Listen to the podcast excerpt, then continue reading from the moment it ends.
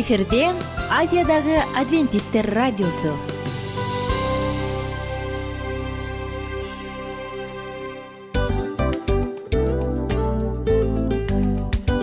Достор салют. Баардык сүйүктүү угармандарыбызга салам айтабыз. Кутман күнүңүздөр менен.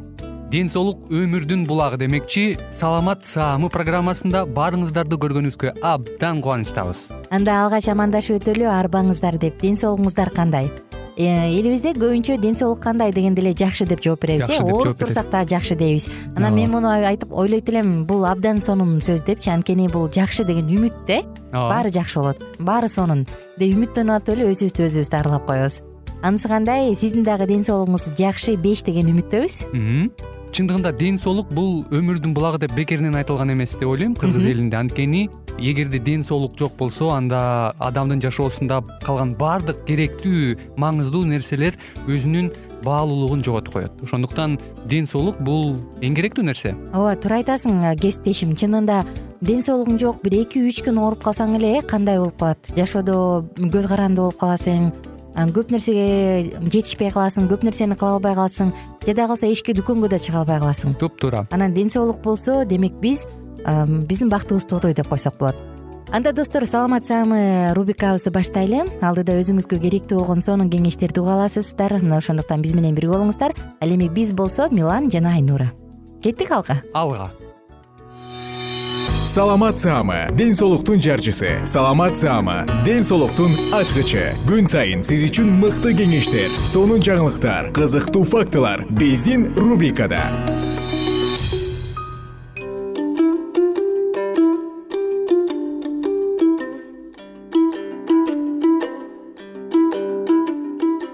саламатсыздарбы урматтуу радио угуучулар? Кайрадан сиздердин назарыңыздарда ден соолуктун ачкычтары программасында кездешип жатканыбызга өтө кубанычтабыз. Өткөнкү берүүбүздө биз сиздер менен күн нурлары туурасында сүйлөшкөнбүз. Бүгүн дагы дал ушул программабызды улантмакчыбыз. Деги эле адам баласынын жашоосунда күндүн касиеттүүлүгү туурасында кеп кылабыз. Анда эмесе биздин толкундан алыстабай биз менен биргеликте болуңуз күнгө күйүү баардык кишиге пайда келтирбейт. Улгайган кишилерге эки жашка чейинки балдарга кош бойлууларга ошондой эле өпкөнүн өнөкөт оорусу мисалы туберкулез нерв жана жүрөк кан тамыр оорулары менен жабыркагандарга күнгө узакка какталууга болбойт. Адамдын териси түлөгүчө күнгө күйүү тери рагынын себептеринин бири гарварддык окумуштуулар жыйырма жылдык тажрыйба өткөрүп териси сыйрылгыча күнгө күйгөн адамдардын сексен пайызы меланомага чалдыгышы мүмкүн экендигин аныкташты. Күн нурунун в ультра кызгылт бөлүкчөлөрүндөгү д витамини адамдын ден соолугуна пайдалуу. Бирок ачуу тийген күн нуруна күйгөн кишиге тери рагына чалдыгуу коркунучу жогору гарвард университетиндеги медициналык окуу жайынын акыркы иликтөөсүнө ылайык беш жолу тери сыйрылгыча күйгөн адамдын меланомага чалдыгуу мүмкүндүгү сексен пайызга барабар окумуштуулар жыйырма жылдык илимий тажрыйба маалында жүз он алты миң адамдын күнгө күйүүсүн иликтешкен. Тери рагына аялдар көбүрөөк чалдыгышарын аныкталды. Экспериментке катышкан он беш жаштан жыйырма жашка чейинки кыздардын дээрлик көбү териси сыйрылгыча күнгө күйүшөт. Алардын сексен пайызы меланоманын алгачкы белгилерин аныкталган. Ошондой эле күнгө ашыкча күйүү теринин тез картаюусуна жана чачты кызгылт ирең пайда болушуна себепкер. Тери рагынын алдыңкы белгилери адамдын буту менен э, далысындагы меңдер пайда болот. Денеге денеде калдар көбөйөт. Гарвард окумуштуулары ар эки жылда тажрыйбанын катышуучуларынын терисине чачынын өңүнө жана күнгө канча саат күйгөнүнө көз салып турушкан жыйырма жылдын эксперименти башталганда катышуучулардын курагы жыйырма беш жаштан кырк эки жашка чейинкилер болгон. Илимпоздор күнгө күйүүнүн даражасын ультра кызгылт агымы менен өлчөшкөн. Тажрыйбага катышкан жүз он алты миң адамдын жүз сегиз миңи тери рагына чалдыккан. Алардын ичинен жети жүз жетимиш тогуз адамга бул илдетти эң оор түрү меланома деген диагноз коюлган окумуштуулар үчүн мындай тыянак күтүүсүз болду. Жыйырма жылдын эксперимент маалында жүз сегиз миң адам териси сыйрылгыча эң азы беш жолу күнгө күйгөн. Тагыраак айтканда беш жолу териси сыйрылганга күнгө күйгөн адамдын тери рагына чалдыгуусу сексен пайызга барабар. Меланоманын убагында дарыланбаса рак клеткалары башка органдарга тарап адамды өлүмгө дуушар кылат дерматолог дарыгерлер билдиргендей тери рагынын чалдыккандарынын көбү апрель айынын октябрь айына чейин саат он бирден түшкү саат үчкө чейин жыйырма мүнөттөн ашык күнгө күйүшкөн. Андан сырткары кышында дагы тери рагынын чалдыккандар бар.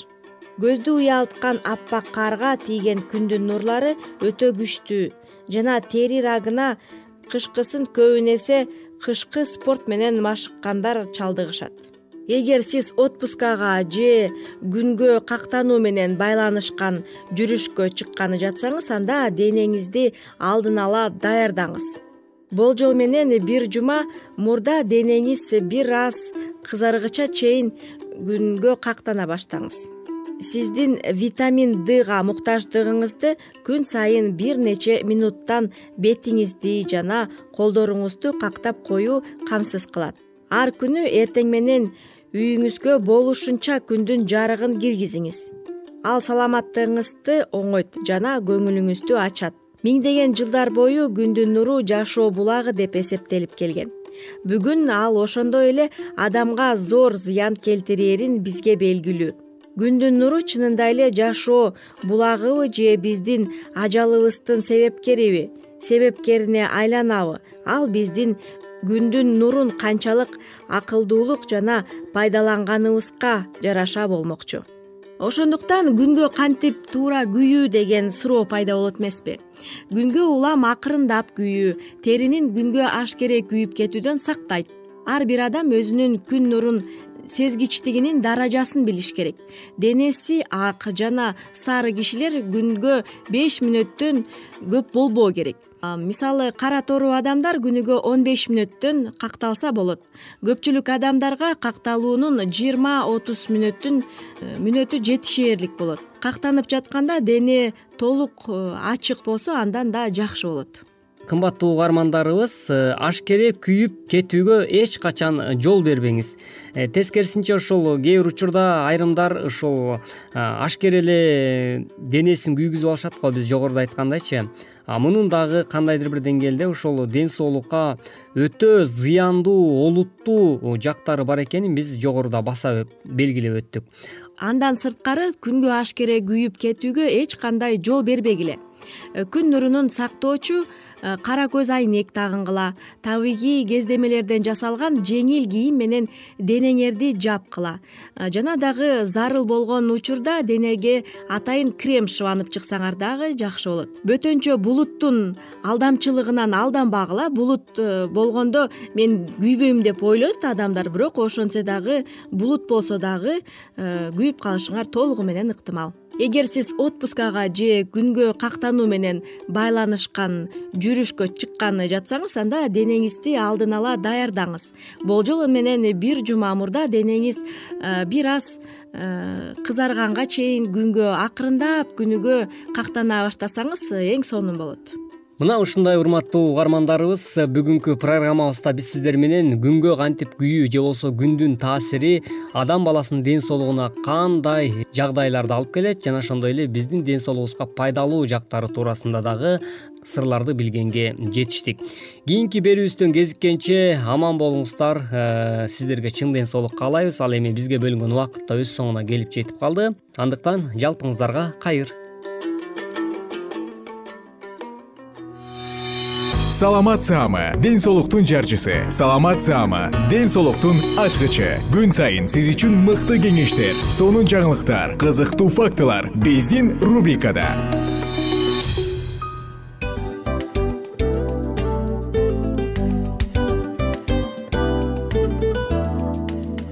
Салам достор. Ачуу душман акыл дос. Акылыңа акыл кош демекчи биздин дил маек рубрикасына кош келиңиздер. Дил маек программасында ар кандай темаларды козгойбуз? Балдарды өстүрүү аларды тарбиялоо кантип балдарды бактылуу кыла алабыз?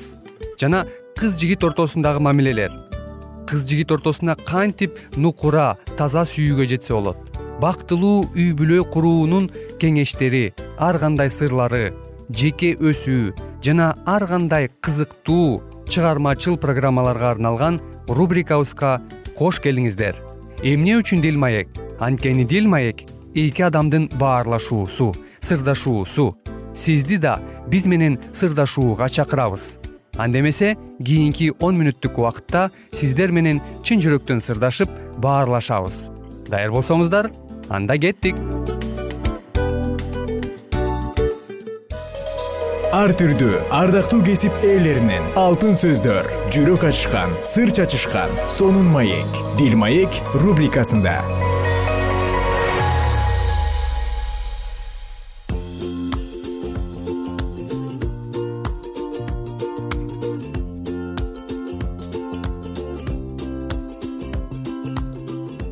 Салам достор. Кайрадан ушинтип биздин дил маек программабызда келип жетти эфирде мен мику жана менин кесиптешим аку жалпы сүйүктүү угармандарыбызды кучак тосуп эфирибизге тосуп алабыз. Келиңиздер төргө өтүңүздөр бүгүн да болсо мамилелерге арналган дил маек уктуруусунда сиздер менен бир сонун теманы айтып беребиз кантип туура урушуш керек?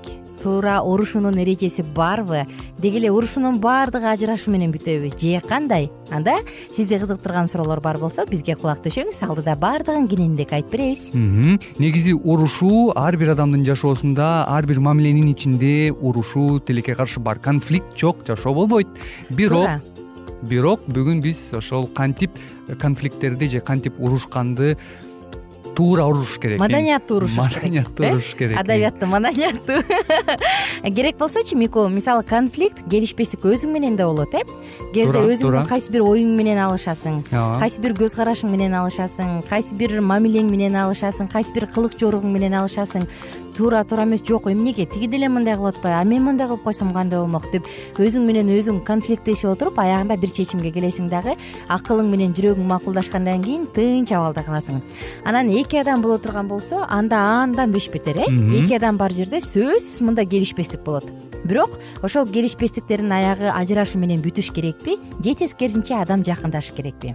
Окумуштуулар э, бир э, кызыктуу изилдөө жүргүзүптүр. Эки адам жашап эч качан урушпай жашай алабы деп. Жок жашай албайт экен.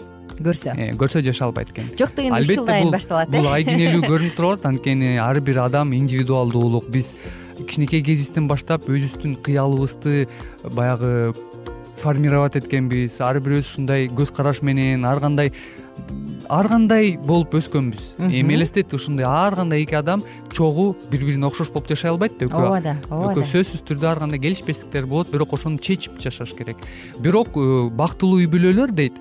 Кызыктуусу эң бактылуу үй бүлөлөр алар конфликтсиз жашабайт дейт. Алар конфликт менен жашайт бирок алар туура чечишип компромисс менен бири бирин түшүнүү менен бири бирин сыйлоо менен ошол кыйынчылыктардан арылып өтүшөт мисалы мику баягы уруш тиги конфликт дегенде биз баягы кыйкырып өкүрүп эмоцияларга терс эмоцияларга берилип же болбосо атасы апасына кол көтөрүп деген жөнүндө сөз кылган жокпуз э бул маданияттуу урушуу бул жөн гана сенин пикириң келишпей калды менин пикирим башка. Деп туруп а балким! деп туруп анан эки тарап өзүнүн оюн айтып кайсы бир конфликтти кичинекей бир идиш аяктын кагылышы деп айткандан алысмын. Анткени анда катуу үн чыгат. Жөн гана өзүңдүн пикириңди ачык айта билүү кээде койчу эми мейличи эми деп баягы уступка кыла берсең улам улам анте берсең баягы экинчи адамдын туура эмес кылык жоругу э, тамчылап тамчылай берип чоң океанга айланып анан кийин сени чөктүрүп кетиши мүмкүн. Ошондуктан ар бир келишпестикти убагында чечип алган жакшы дешет. Ооба. Э, чындыгында биз келишпестикти чечүүдө дипломат болуш керек деген жакшы кеңеш берет психологдор. Бирок дипломат болуп деген эми кыйкырып өкүрүп сөгүнүп бетке чабуу андай түшүнүк жок. Дипломат күчтүүлүгүнө салыш эмес э? күчтүүлүгүнө эмес баягы даже чечен сөздүгүнө эмес. Анын баягы башка бирөөнүн кызыкчылыгын ойлоп өзүңдүн да кызыкчылыгын чогуу бир чечимге келүү. Албетте биз азыр эфирде оңой эле сүйлөй беребиз. Ооба. Жашоодо турмушта такыр башкача эмоцияга берилесиң катуу сөздөр тарс турс этип чыгат э, ушундай жиниң келет башка бирөө сени түшүнбөйт эмнеге мени укпайт деп жиниң келет. Албетте ар бир адам ошол бири бирин укканды үйрөнүш керек экен эң биринчи. Анан экинчиден түшүндүргөндү. Мага монгу кичине жакпай калды. Сен моундай кылганда мен ушундай бул жаман сезип атам деп биз бири бирибизге түшүндүргөндү үйрөнүшүбүз туура айта кеттиң. Анан урушкан учурда сен дайыма эле ушинте бересиң да? Деп туруп экинчи адамды кемсинткен сөздөрдү болбойт кереги жок. Эгерде экинчи адамдын намысына тийип алсаңыз тийип алсаңыз ал конфликт скандал менен бүтөт да. Анан сен дайыма эле ушинтесиң сен такыр оңолбойсуң. Тигилерди карачы деп башкалар менен салыштыруу кереги жок. Бул өзгөчө элибизде тилекке каршы көбүрөөк кездешет э? Сен ылайым эле ушундайсың сен түбөлүк ушундайсың сен оңолбой койдуң го деп мындай бир адамдын намысына тийген ачуусуна тийген кыжырданткан сөздөрдү айтат. Анысы кандай? Андан да сырткары конфликт скандал менен бүтпөш керек. Ал жакта ыйлап кыйкырып өкүрүп бир буту колду иштетип идиш аякты сындыруунун кереги жок. Ал жакта тынчтык менен акырын чечишип алган жакшы дагы үй бүлөлүк психологдор айтат албетте мынтип э, жакшы дипломатиялык э, бири бирин сыйлоо менен чечишүү конфликттерди бул шыр эле боло калбайт дейт бир эле заматта. Аста аста албетте ага жылдар керек дейт. Бири бирин үйрөнүп бири биринин кыялын баягы үйрөнөбүз дейт. Бул дагы мектеп. Анткени үй бүлө бул чоң мектеп. Биз үйрөнөбүз. Бири бирибиз менен кантип сүйлөшкөндү кантип баарлашканды кантип ар кандай кыйынчылыктарды конфликттерди чечишкенди мунун баары биз баардыгыбыз бир мектепте окуйбуз. Ошон үчүн э, туура чечишүү бул убакыты менен келет. Бирок биз аракет кылышыбыз керек. Ага умтулушубуз керек экен. Тилекке каршы үй бүлөлөрдө баягы э, ичип келген адам болуп калат э андай учурда баягы мас болсо же болбосо уйкусурап жатса ачка болсо чарчап турса ачуусу кайнап турса андай адамды тарбиялаганга аракет кылбай эле коюңуз дейт э. Мындай учурда баардык эмоцияларды четке калтырып анан акылды иштетиш керек. Элестетип көрөм. Демек ал адамдын абалы сени уга тургандай эмес болсо ал убакытты өткөрүп жибер акыл менен жакшынакай ага мамиле кылып курсагын тойгуз кийимин кийгиз балким чарчап атса уктат э. Анан акырындык менен анан сенин бул жериң мындай мындай деп калганын чечип алган жакшы. Мисалы көп эле болуп калат. Ичип келсе даяк эле ичип келдиңби анан ал бул дегенде баягы мээси жакшы иштебей турган мырза колун көтөрүшү мүмкүн. Мындай учурда абайлаш керек. Дагы бир жакшы принцип бар экен. Э, эгерде уруш жаңжал пайда болсо дейт күн киргенге чейин аны бүтүрүп салгыла дейт. ачууңду бас деп э эртеңки күнгө калтырбагыла деген принцип. Негизи бул абдан жакшы экен. Анткени биз баягы уруш жаңжалдарды баягы канчалык эртеңкиге калтыра берсек ошончолук биздин ортобуздагы мамиле уурайт экен да. Ошон үчүн пайда болдубу түшүнбөстүк. Шыр эле ошол эле күнү ошол эле замат сүйлөшүп чечишип алгыла эртеңкиге калтырбагыла дейт. Ооба анан урушуп жатканда конфликт болгондо мырзаны өзгөчө басынтып анан мен сени менен ажырашам деп коркутпагыла дейт манипуляция менен э? Манипуляция кылбаш керек экен. И сен оңолбой койдуң мен мындай депчи. Анан кийин мырзага кол көтөрүп же болбосо үбөлүк менен чаап кереги жок дейт андай. Анчалыкка жеткирбегиле дейт эч качан. Кээде баягы мындай болуп калат го ар бир урушкан сайын улам бир чектен аша берсең ал адатка айланып калат дагы акыркы урушуң чын эле согуш менен бүтүп калышы мүмкүн да. Ошондуктан баягы андай коркунучтуу чектерди ашпай эле койгула дейт негизи э, уруш жаңжалдар дейт э, канчалык адамдар аз бири бири менен сүйлөшсө жаңжалдар көбүрөөк чыгат дейт. Ушундай принципти уктуң беле. Негизи кээ бир үй бүлөлөр бири бири менен баягы бытовой баягы жүрүш жашоо турмуштук суроолор менен эле жумуш кандай болду акча кредит болуп эле сүйлөшүп жүрө берсе албетте андай үй бүлөлөрдүн э, маеги терең маектерге толгон эмес болсо уруш жаңжалдар көбүрөөк болот экен. А кайсыл үй бүлөлөрдө терең сүйлөшүү баарлашуулар кыялдануулар жөнүндө ички дүйнөдөгү жашоо сырлар ойлор жөнүндө болгон канчалык көп болсо характер жөнүндө ошончолук аз болот дейт. Анткени адам бири бирин жакшы билет дейт. Жакшы баягы китепти биз жакшы окугандан кийин билип калабыз го каармандарын эмне болот. Адамдар дагы ошондой болуп калат экен да канчалык бири бирибизди изилдеп жакшы билип калсак дейт. Ошончолук биз азыраак урушуп калат экенбиз. А эми эки адам бири бирин изилдебей жөн эле эки өзүнчө баягы босс болуп жашап шеф болуп жүрө берсе жашоодо албетте уруш жаңжал көп болот. Анан бир мырза айтат психолог мырза экөөңөр канчалык урушуп кетпегиле? дейт. Конфликт болбосун бирок кечинде жатканда аны наказание кылып жолдошуңду бөлөк же өзүң бөлөк жатып алба дейт да.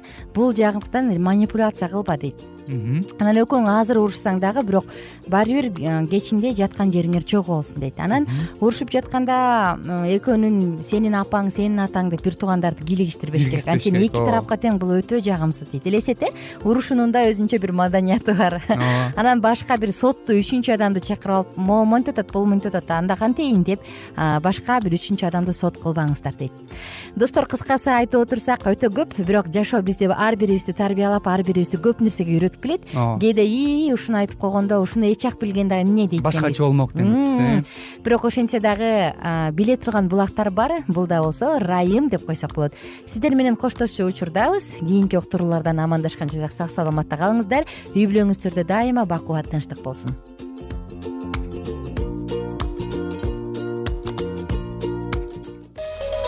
ар түрдүү ардактуу кесип ээлеринен алтын сөздөр жүрөк ачышкан сыр чачышкан сонун маек дил маек рубрикасында.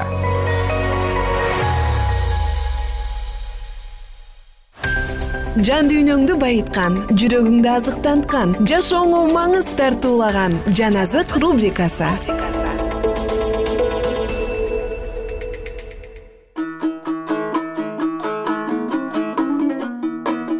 кутмандуу куш убак күнүңүздөр менен достор жалпыңыздар менен улуу күрөш китебин улантабыз.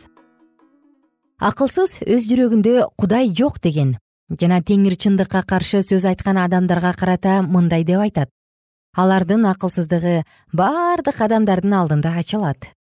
Франция жогорку эң бийик жана түбөлүктүү жашоочу тирүү кудайга кызмат кылуудан баш тарткандан кийин көп убакыт өтпөстөн эң эле төмөнкү баардыгы бир аядын атынан өз акыл оюна табынуучулук кызматын башташкан. Мындай жосун ассамблеянын депутаттарынын жана жогорку мыйзам чыгаруучу адамдардын арасында аткарылган. Тарыхчы мындай деп айтат.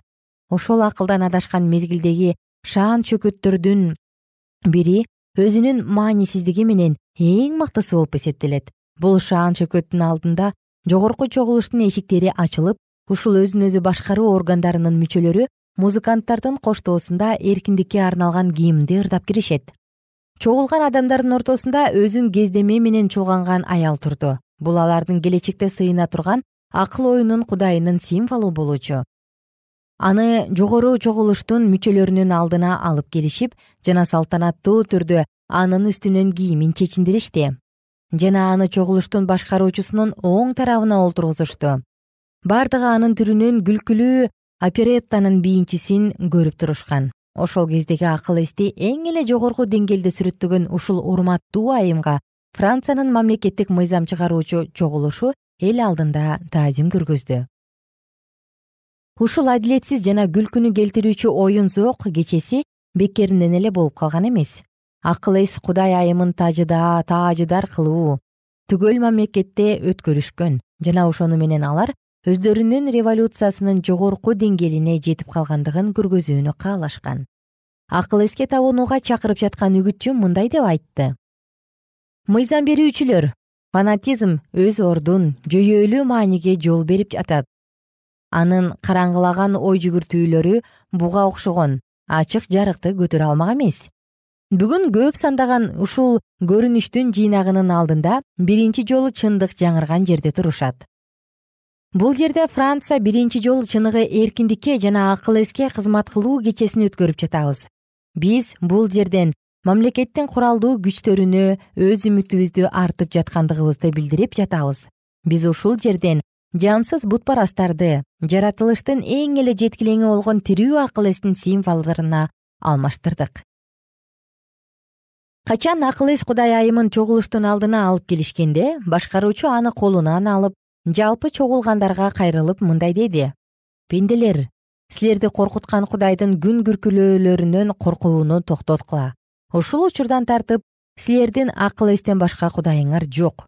Мен силерге анын таза жана эң эле жакшы үлгүсүн алдыңарга келип олтурам эгерде силерге аздектей турган нерсе керек боло турган болсо анда ушул сыяктуу жеткилең нерсеге гана кылгыла. Эркиндиктин жогорку падышасынын алдында тизеңерди бүккүлө о аң сезимибиздин алжапкычы. Ушундан кийин акыл эстин кудай айымы башкаруучу менен кучакташты дагы өтө кооз жасалгаланган арабага түшүп нотр дам соборун көздөй баштагы кудайдын ордун ээлеш үчүн көп сандаган адамдардын коштоосунда жөнөп калды. Жана ар жердеги бийик курмандык чалуу жайда ал башка келген адамдардын ага табынууларын талап алды андан көп убакыт өтпөстөн эл алдында мукадастарды өрттөө башталды. Бир жолу элдик илим изилдөөчүлөрүнүн жаамааты башкаруу органынын залына киришти дагы мындай деп жаңыртаа кыйкырышты. Акыл эс кудайына даңк болсун! Алар бийик чабырада күйгөн китептерди алып келишкен. Диний китептердин арасында байыркы жана жаңы осуяттар дагы бар болчу. Алардын башчысы мындай деди адамдарды акылсыздык кылууга мажбурлаган маанисиз нерселерди улуу оттон куткарып келдик. Папалык кыймыл баштап берген ушул ишти атеизм мына ушинтип аягына чыгарган. Римдин саясаты франциянын коомдук саясаттык жана диний жагынан кыйрашына өбөлгө түздү. Бул революциянын үрөйдү учурган жагдайын жазган ар бир жазуучу эмнегедир бул акылсыздыкка мамлекетти жана жыйынды айыпташат чындыгында адилеттикке таяна турган болсок анда ушунун бардыгына рим чиркөөсү айыптуу экендигин табабыз. Папалык кыймыл падышаларды реформацияга каршы тукурган жана алар падыша тактысынын душмандары мамлекеттин жакшы жашоосуна жана тынчтыгына коркунуч туудуруучулар деп айып көргөзүлгөн. Падышаларды ушунчалык зөөкүрдүккө жана калайык калкты эзген катаалдыкка жандандырган рим болуп саналат мукадас сөзү менен кошуп ар дайым эркиндик алып жүргөн. Кайсыл жерде аны кабыл алышкан болсо ал жерде адамдардын аң сезимдери ойгонуп турду. Алар өздөрүн байлап турган түркөйлүктүн көөнүнөн жана ырым жырымдардын кишендерин өздөрүнөн алып ыргытышкан. Алар өз алдынча ой жүгүртүп жана аракет кылууну башташты. Ушул нерселерди көргөн падышалар өз бийликтерин алдырып коюудан коркушкан. Рим болсо алардын сактоосун токтолбостон жандырып турду. бир миң беш жүз жыйырма бешинчи жылы папа франциянын башкаруучусун мындай деп эскерткен. Бул көйнөк протестантизм. Бир гана диндин талкан ташын чыгарбастан бирок мамлекеттин дворяндардын мыйзамдардын тартиптердин жана ар кандай түркүмдөрдүн дагы таш талканын чыгарган турат. Бир нече жыл өткөндөн кийин папанын элчиси падышага мындай деп эскертет. Улуу урматтуу жаңылышасыз жаңылышпаңыз. Протестанттар бир эле мезгилде мамлекеттик жана диний бийликке дагы коркунуч туудуруп жатат. Падышалык такты дагы курмандыкчалчу жай сыяктуу эле коркунучта. Жаңы динди киргизүү сөзсүз түрдө жаңы башкаруучунун зарылдыгын талап кылат. Папалык диний аалымдар адамдардын протестантизмге каршы көз караштарына өбөлгө түзүшүп мындай деп айтышкан.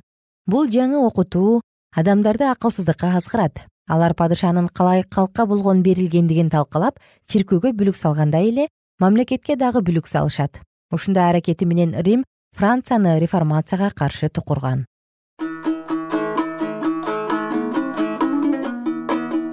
Ардактуу достор сиздер менен кызыктуу окуябыздын уландысын кийинки уктуруудан улантабыз. Баарыңыздар менен амандашканча бар болуңуздар